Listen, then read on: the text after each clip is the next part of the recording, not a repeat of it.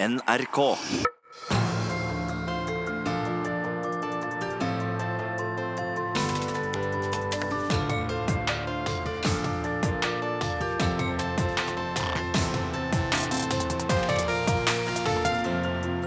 I disse dager sitter det en bestefar i Skien og lurer på om han noen gang får se barnebarnet sitt.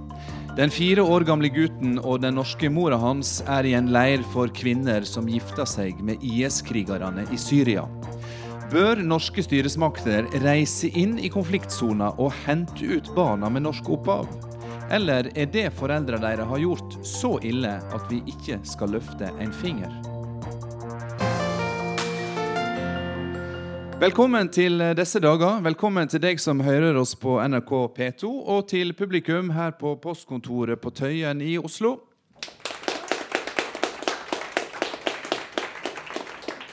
Debatten om hva lagnad barna av IS-krigerne og kvinnene deres skal få, raser i flere europeiske land. Hva bør Norge gjøre for de om lag 40 barna som PST mener har norsk opphav i Syria og Irak og hvor langt har Norge strekt seg tidligere for borgere i trøbbel? Og er det likskap mellom barna til IS-konene og barna til tyskerjentene? Den neste timen får du møte NRK-journalistene som sporer opp de norske IS-konene og barna i Syria.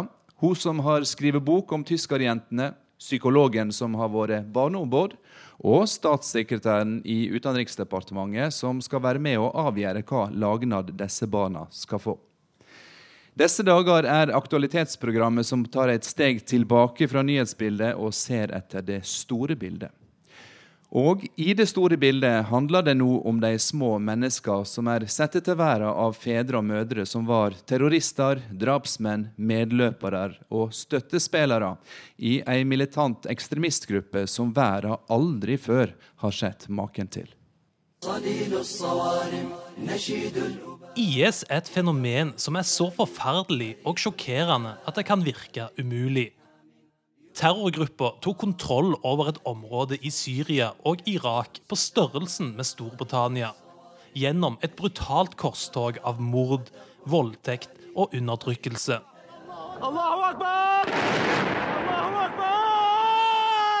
Samtidig som de gjennomførte en rekke dødelige terrorangrep i resten av verden.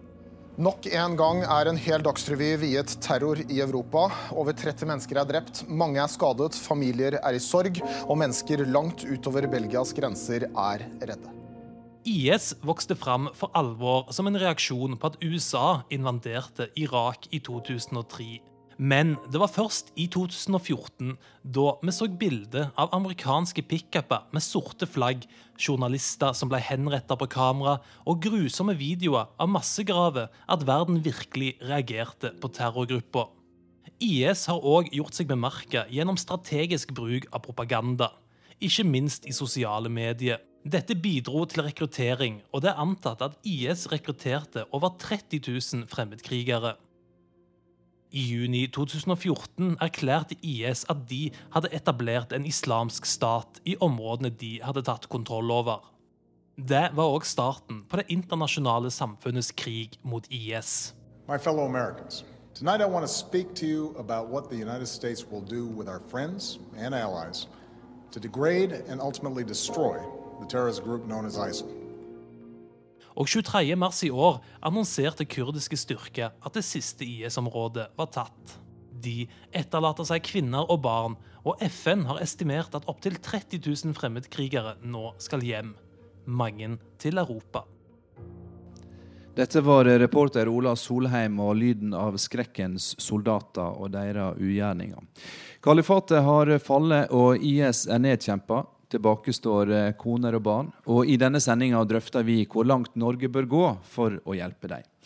Velkommen eh, Kristine Svendsen og Mohammed Alayobi. Eh, dere er begge to journalister i NRK. Og for tre uker siden så møtte dere norske kvinner som har fått barn med framandkrigere i Syria.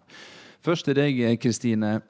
Hvor medskyldige er disse kvinnene i IS sine handlinger? Det er ikke tvil om at kvinnene har vært svært viktige for IS sitt prosjekt. IS er jo ikke bare en terrorgruppe, men det er også en gruppe som har forsøkt å bygge en stat. Og det blir ingen stat uten eh, kvinner og barn. De har også hatt aktive roller i terrorgruppa. Bl.a. så har de vært religiøs religiøst politi og drevet med propagandavirksomhet. Og Politiets sikkerhetstjeneste har jo vært veldig klar på at de kvinnene som kommer tilbake til Norge, må regne med å bli straffeforfulgt her. Og mange av disse kvinnene har uh, fått uh, barn, som vi vet. PST, PST, anslår at uh, det er omtrent 40 barn med norsk tilknytning i Irak og i Syria. Vi skal høre litt fra en av reportasjene som dere to har laga. Har du noen barn? Ja. Hvor mange barn har du? Tre. Hvordan går det med barna dine? Det går bra. Hvor er de nå? Inni der. Okay. Mohammed, hvordan vil du beskrive tilhøva i disse leirene som dere har besøkt? Altså, Den leiren er veldig veldig spesiell. Uh, vi kom inn gjennom en port. Vi måtte ha med oss væpnede vakter. Uh, og som hadde en kvinne som gikk foran. Vi var tre stykker. Det er uh, barn overalt. Veldig mange barn. Og det er utrolig at det finnes mange forskjellige typer barn. De sitter overalt, spredt. De sitter på bakken, på madrasser. Det er veldig vanskelige forhold. Eh, du ser på ansiktene deres at de er slitne, de er utmattet. De har eh, Jeg har sett noen som hadde noe kjeks, litt vann. Men bortsett fra det så har jeg ikke sett noen som hadde skikkelig mat foran seg. Vi eh, Like ved sykestua så var jo masse folk. Kvinner som ikledd i sort. Eh, en kvinne lå på bakken. Hun var, jeg vet ikke om hun levde eller døde. Andre var såra. Folk kom til oss og ba oss om hjelp. Trigla oss om å få dem inn i sykestua. Men inn der var det trangt. Det er bare én seng og en lege. Eh, Iman hun er jo koordinator for eh, menneskerettighetsorganisasjonen. Hun er, eh, står der i panikk, prøver å hjelpe til. Men hun sier vi har ikke kontroll. Og når en av verdensinstitusjonene sier at vi har kontroll, da er det et problem. Mm. Jeg har lest eh, en um, tråd uh, på Twitter uh, signert uh, en av lederne i den internasjonale Røde Kors-komiteen. Som, som skildrer at han har nærmest snubla over ting han trodde var søppel som lå strødd. Og så viser det seg at det er en en teppebylt, og inni der ligger det to babyer som man anslår til å være fire-fem måneder gamle. Er, er, det slike ting dere har sett, Kristine? Ja, det var en eh, overveldende opplevelse å komme inn i mottakssenteret til Al-Hol. Eh, lydene, det var barnegråt og rop. Og lukten, det lukta sterk urin og, og avføring. Og overalt så var det barn som var forlatt eh, for seg sjøl som så ut som de lå i en slags eh, døs mellom eh, ja, De var ikke til å få kontakt med. Mange som var svært tynne, underernærte, og mange som lå alene for seg sjøl eh, og gråt. Mohammed, du er fra Libanon. Du er født og oppvoksen i krig. Og gjennom jobben din så er du også en reisende i krig og konflikt. Du har oppsøkt veldig mange konfliktområder. Hvordan er disse forholdene du har sett i, i disse leirene i Syria, i forhold til det du har sett tidligere? Jeg må si at dessverre har jeg jo vært i altfor mange kriger. Og jeg har sett uh, veldig mange flyktninger. Men akkurat Al-Hol-leiren er en av de verste jeg har sett. Og det er, som er spesielt vanligvis når du ser flyktninger, så er jo en familie. Det er en far og mor og noen barn. Men her er ikke det voksne menn. Det er stort sett sårbare kvinner som har tapt. Som kanskje deres menn er drept eller fengsla eller handikappa. Og så er det barna. Og da var han fra 49 forskjellige land. 49? 49, ifølge, ifølge leirsjefen, eh, som har fortalt oss, og lokalmyndighetene. Og, og, du ser jo, Det er veldig merkelig, fordi du ser jo såkalt lyse barn, mørke barn, asiatiske. Det er veldig internasjonalt fengsel. Mm. Som disse folka også inn. Og Det som gjorde mest inntrykk på meg, er at når du står Eh, står, og så kommer folk til deg og ber om hjelp. Liksom. Eh, to etniske tyske damer står frem. og Hun ene hadde en baby, kanskje fem år gammel. Og en annen som holdt til på låret hennes og så sier kan du be disse vaktene gi oss mat. Jeg sier jeg kan ikke hjelpe deg, men du kan spørre dem. Be dem. Uh, og så går det inn, og så sier du vet hva, disse menneskene trenger mat, sier at de trenger mat, men det er ikke vår jobb, det er deres jobb. Ja, de skal få det snart. Og så sier jeg, de sier at de skal få det snart. Det har de sagt i flere dager nå. I flere uker. Mine barn trenger mat. Og da er det vanskelig da å gå på hotellet og så prøve å få deg en god matbit i etterkant. Så og så ser den leien. da skjønner du at her eh, ikke alt sammen skal. Kristine, er dette en uh, flyktningeleir for, uh, for kvinner på flukt, eller er det en fangeleir? Det er begge deler. Eh, Al-Hol eh, huser sivile fra Syria, men det huser også IS-kvinnene og barna deres. De holdes, til, holdes, i en egen del av leiren. Det er rundt 10 000 IS-kvinner og barn. Og det er ikke en åpen leir, det er en interneringsleir. Det er eh, gjerder rundt den, og så er det i tillegg bevæpnede vakter. Så der er det ingen som slipper ut uten papirer og uten følge. Dere har møtt uh, flere kvinner, dere har møtt norske kvinner med barn. Og et av eh, barna som dere møtte i Al-Hol-leiren, uh, var en gutt på fire år. Mor hans er altså norsk, og pappaen var en IS-kriger som døde i 2015. Denne gutten har ikke mye her i livet, men han har en bestefar i Skien. Og jeg reiste til Skien og møtte Mario Enrique Vasques, som kom til Norge fra Chile for 30 år siden. Vi to sendte oss i en krok i peisestova på et hotell i Skien sentrum og så på bilder av barnebarnet hans. Er det han lille gutten i midten? Ja, han er vårt barnebarn. Ja. Mm, han er fire år gammel. Du, ja. Er han lik på din sønn? Veldig likt. Ja, det ligner veldig mye. Veldig mye. Øynene hans, eh, panna Så ja, det er mye trekk der, altså. Mm. Veldig mye. Og eh, ja, klart det er bare bilder vi har sett. Eh, eh, vi har ikke så mange, men journalister som var der, skal sende meg noen flere da. Og vi fikk noen videoer av henne. Veldig snill gjort. Og, og det er klart det er veldig viktig for oss å se sånne videoer av et barnebarn mm. som vi har ventet i fire år for å få han til Norge og gi han så mye kjærlighet som vi kan, og det har vi til overs. Vi har uh, fem andre barnebarn, men vi har fortsatt kjærlighet til han, og han trenger enda mer. Han har ikke faren sin lenger, og, og det er en rolle som jeg er villig og ønsker å bidra med. For jeg føler meg et, et ansvar som jeg blir en på en måte både besteforeldre og faren. Eh, og han trenger også et forbilde. Og jeg håper og tror at jeg kan være et forbilde for han også. Mm. Men Mario, eh, din sønn Bastian, mm. han er død. Ja. Han var eh, kriger for IS. Hvordan er det å se hans sønn, som er så lik? En blandet følelser.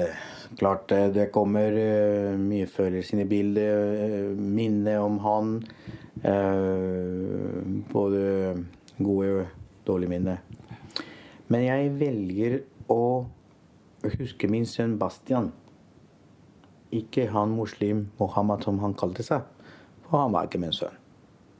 Tenker du at ditt barnebarn, denne gutten på fire år, kan fylle litt av tomrommet og savnet du kjenner etter din sønn, Bastian? Helt klart. Det blir vår trøst. Det er det vi mister med når man mister en sønn. Ikke sant? På den måten vi gjorde. Eh, omstendighetene. Og det er også en del bitterhet. Han ville ikke komme tilbake til Norge. Ikke for at han hatet Norge, det var ikke det det dreide seg om. Men han ville ikke også i fengsler. Han påtok seg et ansvar for å laste opp en video som andre hadde laget. Og for det og andre ting han skulle i fengsel. Og derfor han ville ikke til Norge for å være i fengsel. Han likte ikke det. Han var to uker mens dette holdt på med truslig video, så han likte ikke den erfaring med å være i fengsel. Så han, det fortalte svigerdattera vår.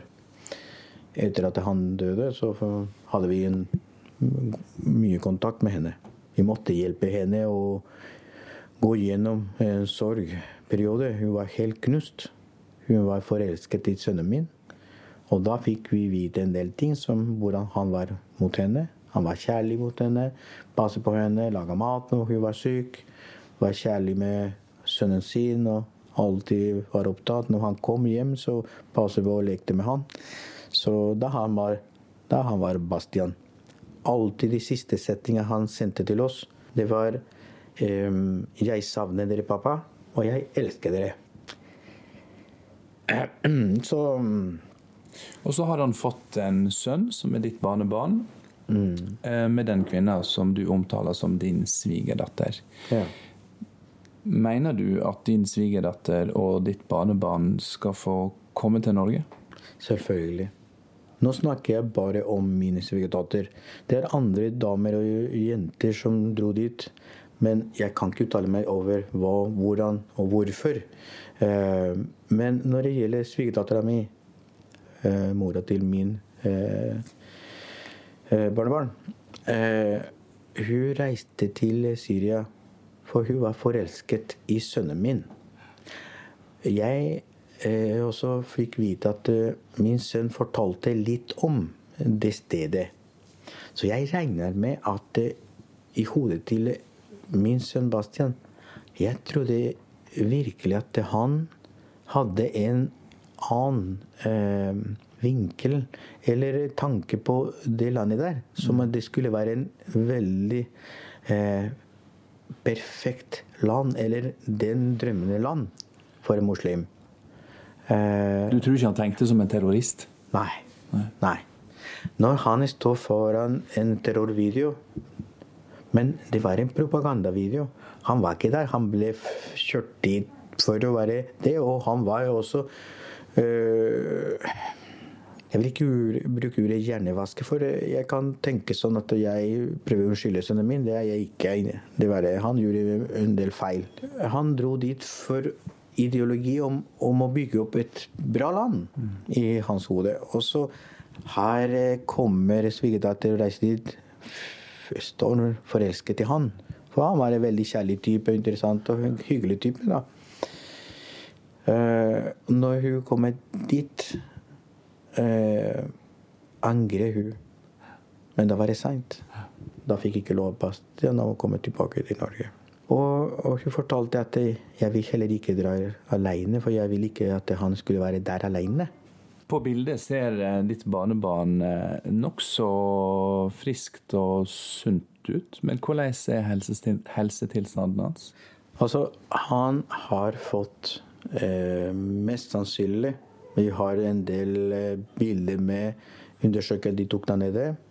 Jeg kontaktet en indre, eller spesialist som er i indremedisin. Eh, eh, for å forklare meg litt om sykdommen og tolke disse prøvene. Han sier at sannsynligvis han har cystisk fibrose. Du kan tenke deg at vi, både faren til svigerdatter og vi, kona og jeg, vi, hvor maktløse vi føler oss. Det er, det er, er grusomt. Det er, det selv om vi har Vi vil gjerne reise dit til og med, men det gjør Vi kan ikke noe. Vi kan ikke få de ut. Vi kan ikke de ledsagere til Norge, vi. Så lenge ikke regjeringa gir en tillatelse til noen. Eh, Men vi, vi, vi, føler oss så Har du forståelse for at norske myndigheter ikke kan reise verden rundt og hente hjem alle som er syke eller som er i trøbbel? Eh, Forståelse hva regjeringen sier ehm, Jeg er enig, i hvert fall. Mm. Ehm, Dette Jeg vil ikke inn i en sånn politikerdiskusjon, for jeg er ikke noe i politikk. Det interesserer meg veldig lite. Jeg syns myndighetene de, vi må respektere dem. Uh, Jeg skal respektere dem. eh, og Respektere hva Erna Solberg gjør, og sin regjering og, og politikere. De gjør sin jobb. Uh, Men det er klart, når vi som foreldre, besteforeldre vi kan ikke være enige når de sier de ikke kan gjøre noe. For dette er jo en eh, politikk, politikk politiske sak, som gjør Hva gjør vi? Hva gjør andre land? Ikke sant? Det forstår vi at de har sagt det. Uh, vi kan ikke sende noe for det er farlig, men uh, dere journalistene går inn og ut. Kanskje for oss vi snakker om veldig enkel sak. Kanskje for politikere og regjering det er en stor sak. Mm. Jeg forstår hvis noen er skeptisk for uh, IS-kriger og sånn. Ja, ja, jeg er jo helt enig i det. Jeg er også skeptisk sjøl. Men ditt barnebarn eh, skal jo ikke i fengsel, og heller ikke i en rettssal. Eh, og så sitter du her som en bestefar som lengter etter et barnebarn du ikke har sett ennå. Mm. Tenker du at du kanskje ikke får møtt han i hele tatt? Nei, jeg kommer til å møte han. Helt klart. På denne kloden? Ja, ja. I Norge. Helt klart. Han kommer til Norge. Hva tror, du, hva tror du kommer til å skje som, som gjør det? Nei, jeg er jo kristen og tror på Gud. Så når jeg er kristen og tror på Gud, så vi har bedt i menigheten min, vi har bedt sammen om det. Så vi kommer til å se eh, mitt barnebarn i Norge. Det er mest rettferdig. De har ikke gjort noe gærent, de. Ja, dette var bestefar Mario Enrique Vasques i Skien, som eh, lever i trua på at han får møte sitt barnebarn på fire år, som eh, nå er i en interneringsleir i Syria. Og Spørsmålet vi drøfter her i disse dager på NRK P2, er hvor langt Norge skal gå for å hjelpe barna av IS-sympatisørene i Syria. Vi har med oss på scenen her på postkontoret journalistene Kristine Svendsen og Mohammed Alayobi fra NRK, som nett har vært i disse leirene. Kristine, hva muligheter har disse kvinnene i disse leirene rent praktisk til å komme seg ut? De har ingen mulighet til å komme seg ut på egen hånd hvis de ikke blir hjulpet ut av en organisasjon eller av myndighetene.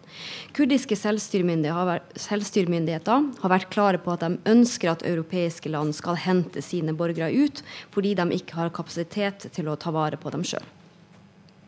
Ja, og hvor, hvor villige er disse myndighetene til å, å hjelpe til? F.eks. hjelpe Norge da, med å hente ut norske borgere og barna deres?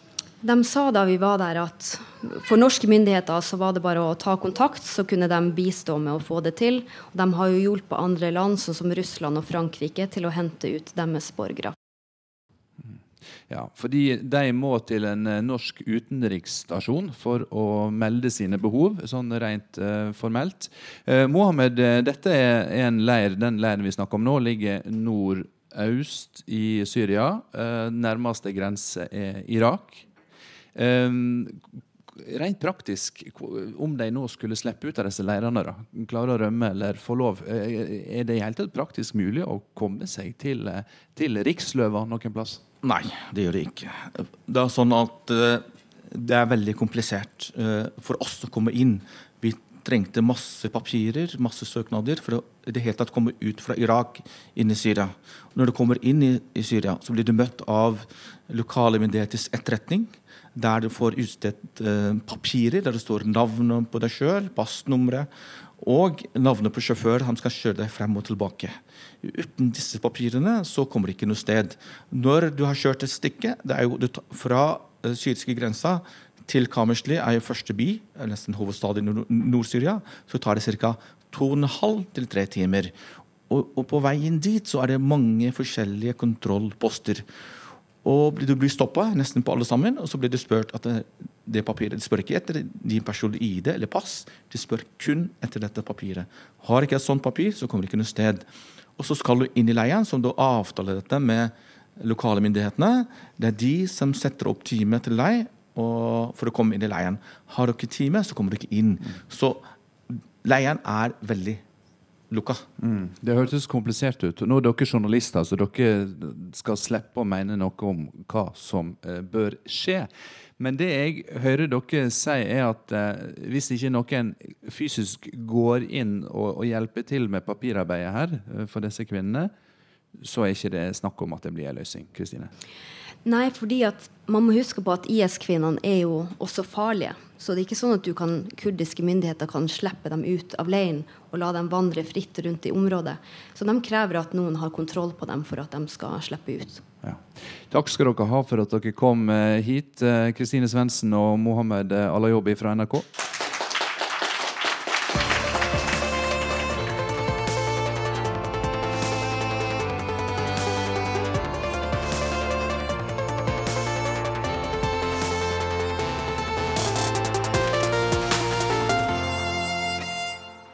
Ja, Du hører på disse dager på NRK P2, og i dag tar vi den diskusjonen som går i flere europeiske land, nemlig hva skal vi gjøre med barna til IS-krigerne og konene deres i Syria.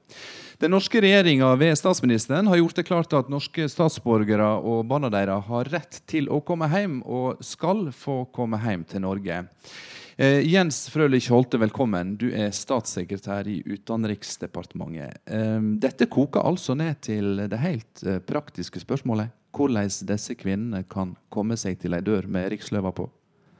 Vel, eh, vi har rammer for såkalt konsulær bistand, som alle norske statsborgere har rett på. Skal vi forklare konsulær bistand konsulær, først? Ja, Konsulær bistand betyr jo at eh, du som norsk statsborger eh, har rett på å få hjelp fra utenrikstjenesten eh, hvis du er i utlandet og havner i ulike situasjoner. Og så har vi noen rammer for den eh, tjenesten vi kan tilby, eh, som kommer litt an på situasjonen. For så eh, vil man i situasjoner hvor det er utstedt reiseråd, altså hvor vi fraråder reising, som har vært tilfellet i Syria i veldig mange år, vil vi ha mulighet til å tilby mindre konsulær bistand. Men eh, vi behandler like saker likt. Uh, og selvsagt har alle norske borgere rett til å komme til Norge. Det er et veldig solid og trygt utgangspunkt. Og så tilbyr vi også konsulær bistand hvor det er mulig. Ja, men Betingelsen er at en da kommer seg til en utenriks, utenriksstasjon eh, og ber om hjelp. Og så hører vi her at disse kvinnene som sitter i leirene i Syria, det er ikke snakk om at de kommer seg til, til, til det norske diplomatiet. Eh, og da står vi igjen med det praktiske. Hvordan skal de få muligheten til å be om denne hjelpa? Hvorfor reiser ikke folk fra Utenriksdepartementet inn i leirene med de nødvendige papirene og hjelper til? Uh, først og fremst så kan du få konsulær bistand uten å møte opp på en utenriksstasjon, men det kommer på hvilken type uh, konsulær bistand ofte. Men utstedelse av pass Ja, men La oss ikke henge oss opp i alle formalitetene. Jo, hvorfor, det... ikke, hvorfor sender ikke dere folk inn for å hjelpe til, sånn som andre land har gjort? Ja, det Nærstående europeiske land uh, har ikke reist inn dit og tilbudt konsulær bistand, så vidt vi er kjent med. Um, situasjonen i Nord-Syria er uh, uoversiktlig. Det er også omstridt uh, territorium. Uh, Men er det farligere for folk med diplomatpass enn journalister og hjelpearbeidere? hjelpearbeidere har et, de har humanitært mandat og humanitær beskyttelse. Men de blir også skutt på i konfliktområder. Ja. Spørsmålet om det, det, er farligere for diplomater enn for andre? Det er høyst kritikkverdig at man ikke respekterer de humanitære reglene. Men, men er det, farligere det er en, for diplomater? Det er, en, nei, det er en vesensforskjell mellom det å være en stat og en sted og det å være en humanitær aktør. Når det er sagt, så eh, prøver jo vi å eh, samarbeide med humanitære aktører i Syria. Først og fremst ved å, eh, ved å gi bistand og hjelpe på situasjonen, bl.a. i Al-Hol, hvor vi er annet i dialog med humanitære aktører om å forbedre helsesituasjonen for alle eh, i leiren.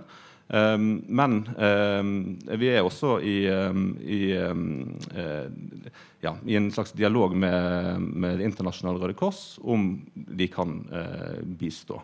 Ja. Hva er det da dere ber Det internasjonale Røde Kors om å hjelpe til med? Er det å frakte kvinner ut, eller frakte papir, eller? Det aller første steget i å få hjelp fra utenrikstjenesten er at du tar kontakt med utenrikstjenesten og sier hva som er galt, og hva du trenger hjelp til. Mm. Og dit har vi ikke kommet enda, så vi trenger i første rekke eh, bistand til å formidle kontakt. Og det er vi veldig åpne på. Det har vi også sagt tidligere, at vi må begynne med å ha kontakt. Direkte okay, så det er en prosess er i gang da, mellom dere og Røde Kors-kontoret i Genéve? Vi er i dialog eh, med eh, ICRC. Vi er også i dialog med andre humanitære aktører om situasjonen i Al-Hol-leiren, som er helt forferdelig. Um, men steg nummer én for konsulær bistand det er at uh, man tar direkte kontakt med utenrikstjenesten om de behovene man har. Ja, den, det har vi, den ja, har vi skjønt. men, det er også sant. Men, men dere ber Røde Kors om å gjøre. formidle kontakten, da? Det, det, kan skje på mange måter. Det er nærmere enn det vi kan gå inn på. akkurat nå. Men uh, ifølge Barnekonvensjonen så er staten forplikta til å iverksette alle hensiktsmessige tiltak for å hjelpe disse barna. Um, det vi snakker om her nå med norske, norske øyne, er det sett fra UD sitt uh, synspunkt et praktisk eller politisk problem? Vi behandler alle saker likt. Så for oss er det en, en veldig det er veldig eh, si, på en måte enkelt at vi må forholde oss til de reglene og styringssignalene som vi har når det gjelder konsulær bistand. Det er forankret i en stortingsmelding eh, om konsulær bistand. Så sånn som situasjonen er nå, så, så må vi eh, sånn yte konsulær bistand innenfor de rammene vi har. og det begynner med at man må ta kontakt med utenrikstjenesten. Ja. Siste forsøk. Er det viljen eller evnen det står på? Eh, vi behandler alle saker likt, og eh, norske borgere har selvfølgelig rett på konsulær bistand. Så det, kort sagt er det jo ikke viljen det står på. Nei. Line Hegna, velkommen hit. Du er leder for kommunikasjon og politisk påvirknad i Redd Barna. Blir du eh, beroliget av å høre på statssekretæren her? Nei, jeg blir egentlig ikke det. For dette er, en, eh, en, eh, det er saker ulik mange andre, og det haster. Eh, når vi hører her tidligere i dag hvordan det står til i leirene Det mine kolleger erfarer i leirene, er jo at det handler om liv og død. Og over 200 barn har dødd. Mange står i fare for å dø. Så her er det rett og slett norske barn som er i stor nød. Eh, og da haster det, og Norge må snu alle steiner for å få barna hjem. Mm. Men hva mener dere i Redd Barna at dere helt konkret eh, kan gjøre? Helt konkret så har vi kommet med tre forslag, og det statssekretæren begynner med her, er jo egentlig det første forslaget vårt. Så er veldig, vi er glad for å høre at det jobbes langs det sporet. Men det haster altså. og Det er at man må aktivt oppsøke barna barna og deres foresatte. For det hjelper altså ikke. Det er en god begynnelse at statsministeren tidlig, i motsetning til en del andre statsledere, slo fast at de har rett til å komme hjem, men de må oppsøkes eh, aktivt. Og de har ikke fødselsattest, de har ikke papirer, de har ikke penger. altså De kommer seg ikke ut, som er blitt godt beskrevet her. Og så er det andre at man også må se på hva slags infrastruktur har man allerede. Det legges bl.a. på bordet spørsmål om, om behov for DNA-testing for å sikre at disse barna virkelig er norske borgere. Det har man erfaring med og infrastruktur i andre eh, prosesser, som bl.a. Eh, kvoteflyktningsystemet. Der må det være infrastruktur. Og så er vi helt til slutt så er vi også opptatt av å at Norge må ha en plan for når disse barna kommer hjem, for å ta de godt imot. Så vi har invitert oss sammen med andre norske organisasjoner til utenriksministeren, til barne- og familieministeren og til justisministeren og venter fortsatt på svar mm. for å sette oss ned og snakke oss gjennom disse tingene. Du sier at det haster, Line Hegna. Hvor, hvor mye haster det? Hva tidsperspektiv snakker vi om? Det, altså, disse barna kan jo dø nå. Altså, mange av disse barna når de kom til leirene, var utmatta og utsulta. De har vært utsulta over tid, og de dør av sykdommer som eh, som kommer av underernæring. Så dette haster. Uh, Jens Frølich Holte igjen. Um, dere er i en slags uh, prosess, uh, sier du, via Den internasjonale Røde Kors-komiteen. Hva, hva, er status, hva er tidshorisonten dere jobber etter nå? Hvor, hvor mye skunder dere dere?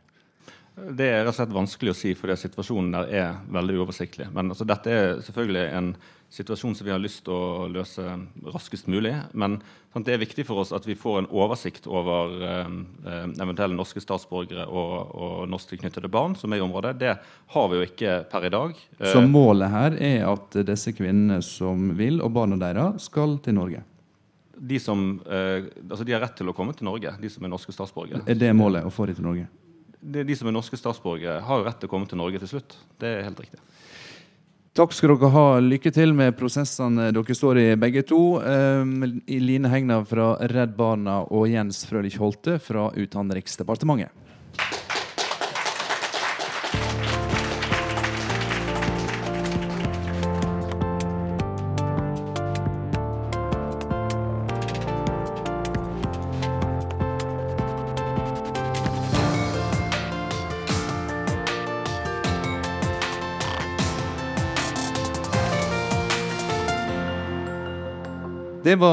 En politiker og en hjelpearbeider. Vi har spurt folket, mannen og kvinna i gata, hva de mener bør skje.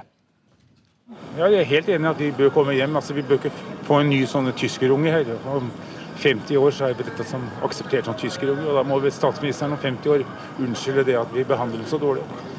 Så de får jo bare komme hjem så fort som mulig. Men disse damene de de driter jeg i, for å si det rett ut. De har eh, gjort sitt, syns jeg, og støtter, støtter den dritten.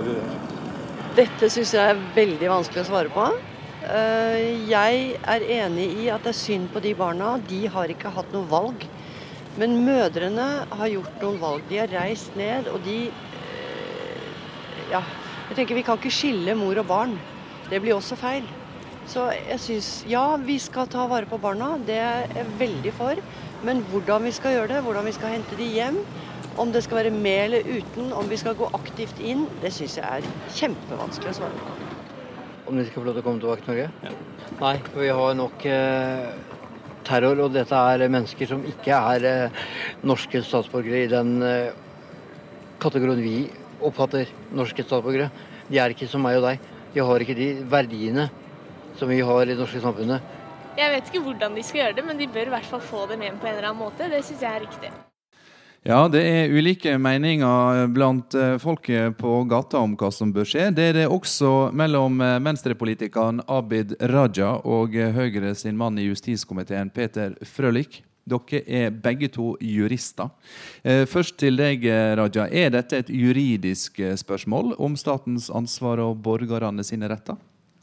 Ja, det kan man gjerne si, men det er først og fremst et etisk og moralsk spørsmål. Eh, I stad så hørte vi på denne faren eh, til Bastian i Skien. Og det er jo klart en fars eh, versjon av Bastian, men det må kunne sies i et sånt program at Bastian var ikke noe snill mann, han. Han var en ekstremist, han var en terrorist, og han begikk forferdelige ugjerninger eh, der nede. Eh, men nå er han død, så vi får la det ligge. Denne saken handler ikke om disse voksne terroristene. Det er det ingen i Norge, utenom deres familiemedlemmer, som har noe sympati eller noe overs for. Så det koker ned til Dette et etisk moralsk ned til spørsmål? det barnet som denne bestefaren snakker om, som er fire år gammel med lungesykdom, som altså har krav på norsk statsborgerskap. Både faren hans, altså Bastian, som nå er drept, og moren hans, som altså er fra Oslo-området. Det barnet har besteforeldre og trygge familieslektninger her i Norge. Det handler om å hjelpe de, og det jeg mener Vi må i dag gjøre det vi i morgen kan være stolte over. Å vende ansiktet vekk i dag vil i morgen være skammens ansikt. Peter Frølik Frølich, eh, finansminister Siv Jensen har sagt at vi ikke bør løfte en finger for å hjelpe disse menneskene til å komme tilbake i Norge. Er du enig i det? Jeg har nok et litt eh, mer nyansert syn på det. Forklar. Uh, ja. Ideelt sett så mener jeg at uh, de barna burde vært i Norge. De burde fått omsorg fra barnevernet. og det tror jeg de fleste i Norge også kan, kan være enig i. Og så er det bare det at Den ideelle situasjonen får et veldig kraftig og brutalt møte med virkeligheten. Virkeligheten på bakken og også de juridiske rammene. Altså En ting som har vært snakket mye om i dette programmet, er at man ikke kan det er vanskelig å komme inn i leirene. Det er usikkert. UD kan ikke sende personell inn i områder uten, uten uh, sikker, uh, sikkerhet for sine folk. Det er vanskelig å identifisere uh, disse barna. Altså, man er nødt til å gjennomføre DNA-testing, man er nødt til å få ID-papirer på en skikkelig måte. Det er en utfordring. Men det har vi fått forklart. Spørsmålet ja, ja. til deg er skal vi løfte en finger, eller skal vi løfte flere fingre for å faktisk gjøre disse menneskene i stand til å søke norske myndigheter om hjelp? Det spørs hvem du snakker om. Foreldrene ikke løfte en finger for min del. Men barna, ideelt sett, burde vært i Norge og ikke i en forferdelig leir der nede. Mener du at vi skal hente ut barna og la kvinner bli igjen? Nei, og Det er mitt spørsmål egentlig til de som ønsker det. For det er Hvilken hjemmel skal du bruke til å gå inn i en krigssone og ta fra folk barna? Du vet ikke engang om det er deres barn. De har ikke ID-papirer. Altså, Jeg skjønner at dette, dette blir veldig fort en, en, en, en sånn ideell Eh, eh, forestilling om at vi kan, kan ri ut i verden og, og hjelpe de som, som, trenger det. Se for deg hvordan dette blir i praksis. Ja, Vi tar det med Raja. Hvordan ja. i all verden skal dette løses ja. praktisk? Altså, De som er imot å hjelpe barna aktivt, de vil finne hundrevis av praktiske motargumenter. La oss starte med basic. Det første er at vi må ta et standpunkt. Vil vi aktivt hjelpe disse barna til Norge eller ikke? Det er det det handler om. Jeg mener ja, vi må aktivt hjelpe disse barna. Jeg tror ikke at jeg klarer å overbevise den politiske eliten alene. Jeg trenger faktisk det norske folks hjelp til det. Men du er jo en del jeg, av den politiske ja, altså jeg, eliten i ja, regjering. Jeg skal, ja, jeg skal jobbe alt jeg kan for at Norge skal gjøre en innsats aktivt for å hjelpe, hjelpe, disse barna hjem. Det er ikke det første landet som vil gjøre det. Altså Frankrike har allerede henta hjem 86 barn. De har tilrettelagt for veldig mange fra myndighetenes side. Alle disse praktiske tingene det lar seg gjøre og løse. Bare dette eksempelet med dette barnet som nå er faktisk uh, vært i radioen her, den fire år gamle gutten. Uh, jeg har vært i, jeg har vært i kontakt med den andre besteforelderen, altså mor sin far, altså bestefaren som bor her i Norge, morfaren. Og Han sier jo at vi er villige til å ta dette barnet imot, til å gi det omsorg. Og denne kvinnen altså som er der, hun er også visstnok ifølge denne bestefaren villig til å gi disse barna fra seg, sånn at de kan komme seg til Norge i trygghet. Resten vet du hva det handler om, er å hente disse barna ut. Og Jeg har snakka med annet noen hjelpeorganisasjoner, bl.a. Folkehjelp, og de sier hvis vi fikk beskjed fra norske myndigheter at vi skal bidra til å hente disse barna ut av den leiren, så kommer vi til å gjøre den jobben. Alle disse praktiske tingene lar seg løse. Det handler ikke om det. Det handler om om vi skal ta den beslutningen eller ikke. Jeg mener det, og jeg håper også at Høyre skal si at ja, vi skal ta den beslutningen om å hente disse barna aktivt hjem igjen. Peter Frølich, er dette et eh, spørsmål om barns retter, eller om vår avsky mot IS og de som støtter IS? Det er en veldig forenkling av spørsmålet. Men Hvis har du skal- et svar på spørsmålet? Altså, dette, er et, dette er et spørsmål som handler om moral og etikk, og det handler om juss og det handler om praktiske forhold. Og, og vi kan alle være enige om at det ideelle ville vært å redde de stakkars barna, sende de slemme foreldrene i fengselet, og så kunne vi liksom eh, slått oss selv på brystet og vært fornøyd med det. Realiteten er mye mer kompleks. Ja, Russland og Frankrike er de eneste landene så vidt vi vet, som har vært inne og prøvd å hente ut noen ytterst få. Det har de gjort med militære spesialstyrker.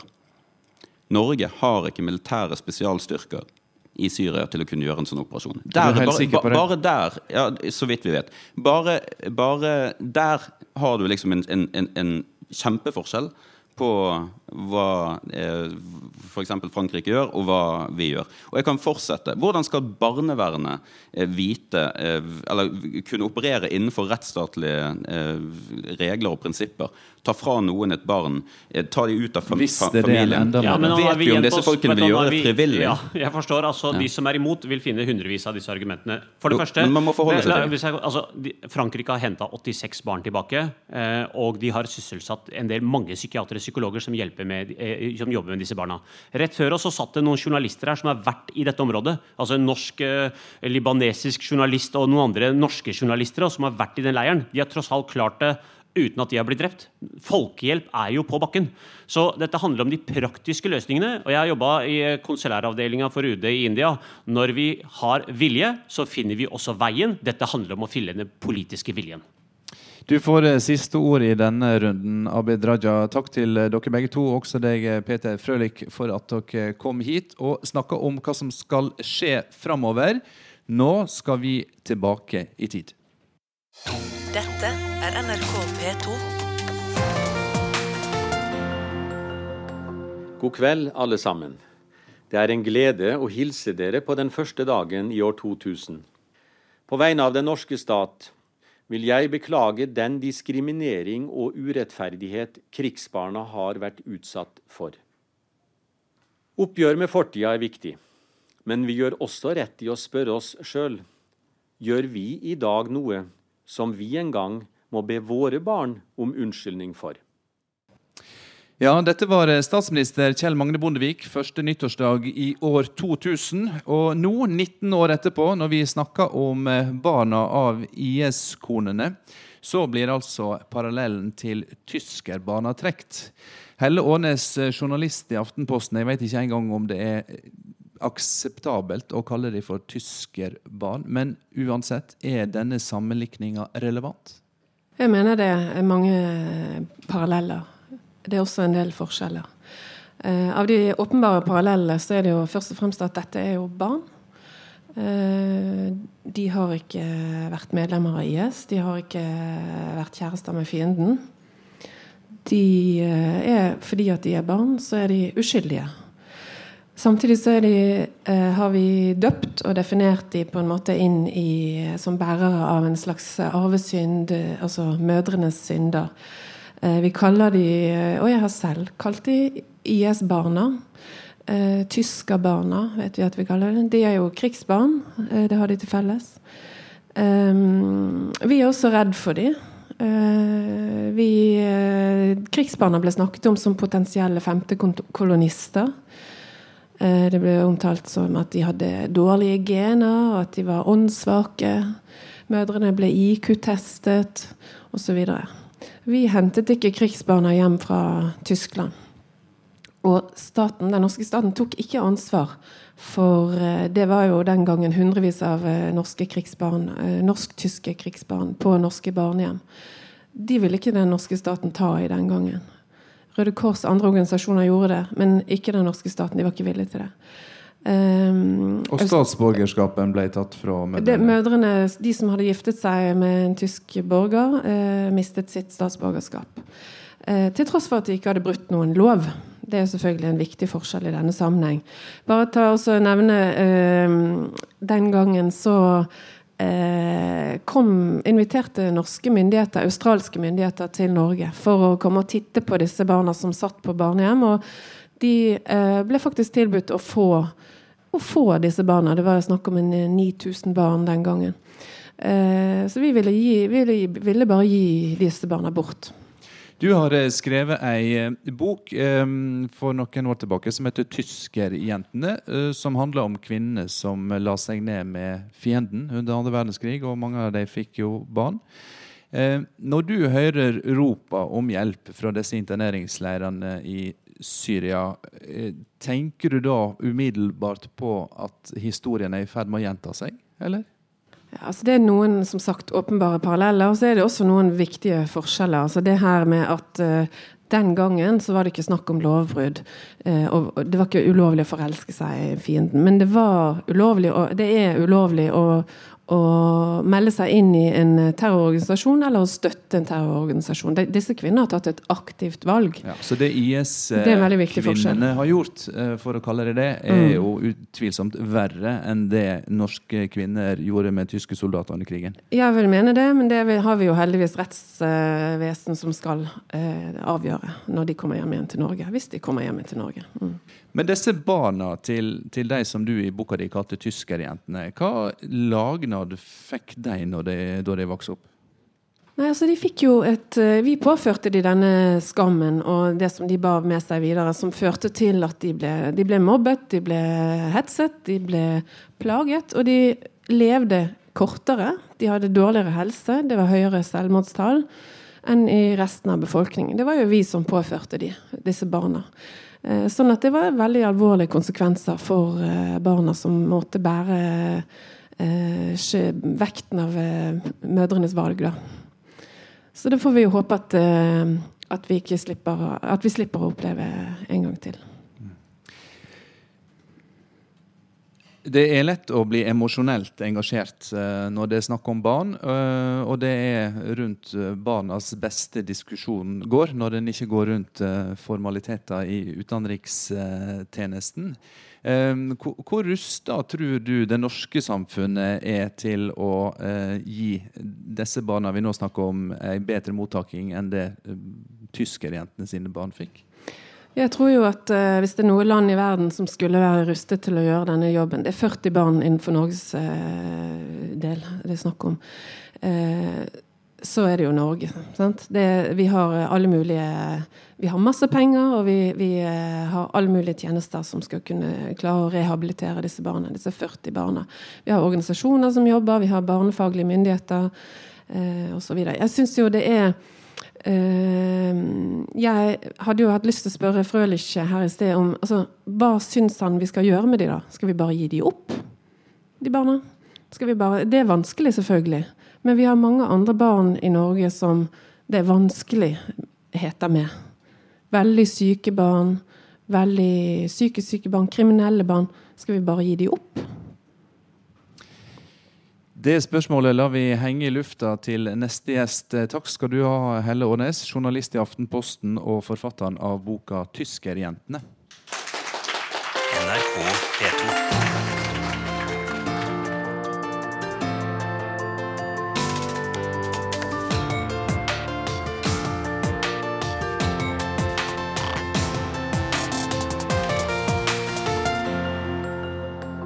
Ja, nå har vi trukket ei lang linje tilbake til andre verdenskrig og sett på parallellene mellom eh, de vi bestemte oss for å kalle tyskerjentene og eh, IS-krigerne sine koner. Temaet i disse dager er altså hva Norge bør gjøre for eh, barna deres. Reidar Gjerman, velkommen på scenen. Du er tidligere barneombud. La oss trekke noen linjer litt kortere tilbake i tid, og se på hva vilje og evne norske styresmakter tidligere har vist for å hjelpe borgere i trøbbel. Hva vet vi om det? Nei, Det ferskeste eksempelet vi har, er jo eh, han som frivillig dro ned som eh, leiesoldat og ble fengslet i Kongo. Da la vi oss eh, som samfunn i selen for å hente han tilbake, og det ble annonsert på 17. mai da han eh, kom tilbake på norsk jord. Eh, Det ble brukt ganske mye ressurser på det, og jeg sier ikke at det var feil. Eh, Men jeg vil jo påstå at det er en ganske stor forskjell på den måten vi eh, satsa på det på, og den måten myndighetene nå viser interesse for barna som er nede i Syria. Du mener det er riktig å påpeke eksempler fra Kongo i denne sammenhengen? Ja, altså Det er jo ikke så mange andre likheter mellom de to sakene, men det handler jo om norske mennesker på, eh, på fremmed jord som trenger hjelp til å komme hjem. Eh, det gjelder jo disse barna.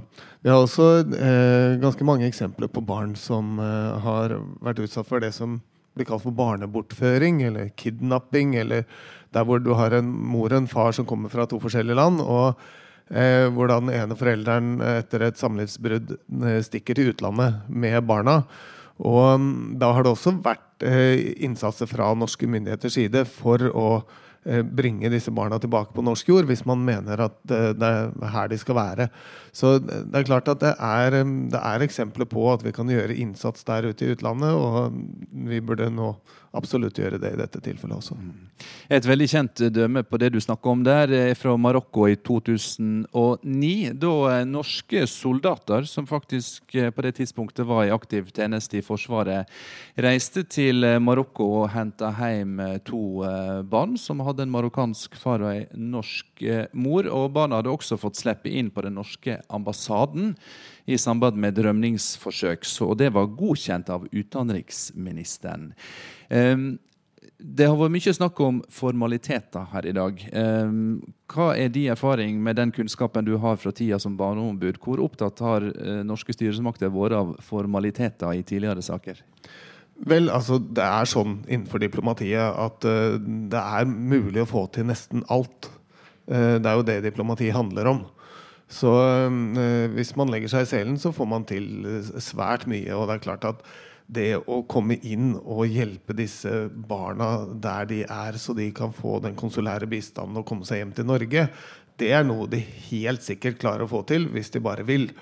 Her er det noe annet som gjør at de bremser, men det ble jo litt grann optimistisk da jeg hørte her at, at det var snakk om noe samarbeid med noen internasjonale organisasjoner og slikt, og kanskje det er en eller annen bevegelse på gang som ikke vi vet så godt om. Nå skal du få ta av deg hatten der det står 'tidligere barneombud' på, og så tar vi på den hatten du går med til eh, vanlig, fordi eh, du er psykolog og du er spesialist i klinisk barne- og ungdomspsykologi. Og så er du leder i Psykologforeningens menneskerettsutvalg. Og så har vi hørt uh, sterke historier og emosjonelle framstillinger her. Men det er jo ikke bare og bare å hente hjem traumatiserte, uh, kanskje voldstrente og radikaliserte barn. Ja, nå vet vi at veldig mange av disse barna er veldig små. Ehm, og det er, det er jo ikke sånn at de automatisk er krigstraumatiserte, de barna som befinner seg i de leirene der nede. Noen barn er bare babyer og har ligget i en bylt på mammas rygg mens hun har eh, stått i tjeneste til, på kjøkkenet, eller hva det nå måtte være. Dette vet vi jo veldig lite om, men vi vet at svært mange av de er veldig små. Det som sannsynligvis er deres største problem, er sånne ting som underernæring, og at de hele tiden lever i på en måte fysisk livsfare nå, i den situasjonen de lever i nå. Det å rehabilitere barn, enten de er traumatisert eller ikke her hjemme i Norge, det kan vi, og det gjør vi hver eneste dag med barn som kommer både fra utlandet og fra, fra Norge, som er utsatt for sterke Men er traumer. ikke det veldig krevende? Vi kan ikke la være å gjøre ting bare fordi det er krevende, men vi får det til. Og, øhm, øh, så så det, er, det er fullt mulig, og vi har jo et massivt apparat i mer enn 400 kommuner øh, og i 19 forskjellige spesialisthelsetjenester i Norge hvor vi kan øh, stå til tjeneste med øh, traumebearbeiding og slike ting.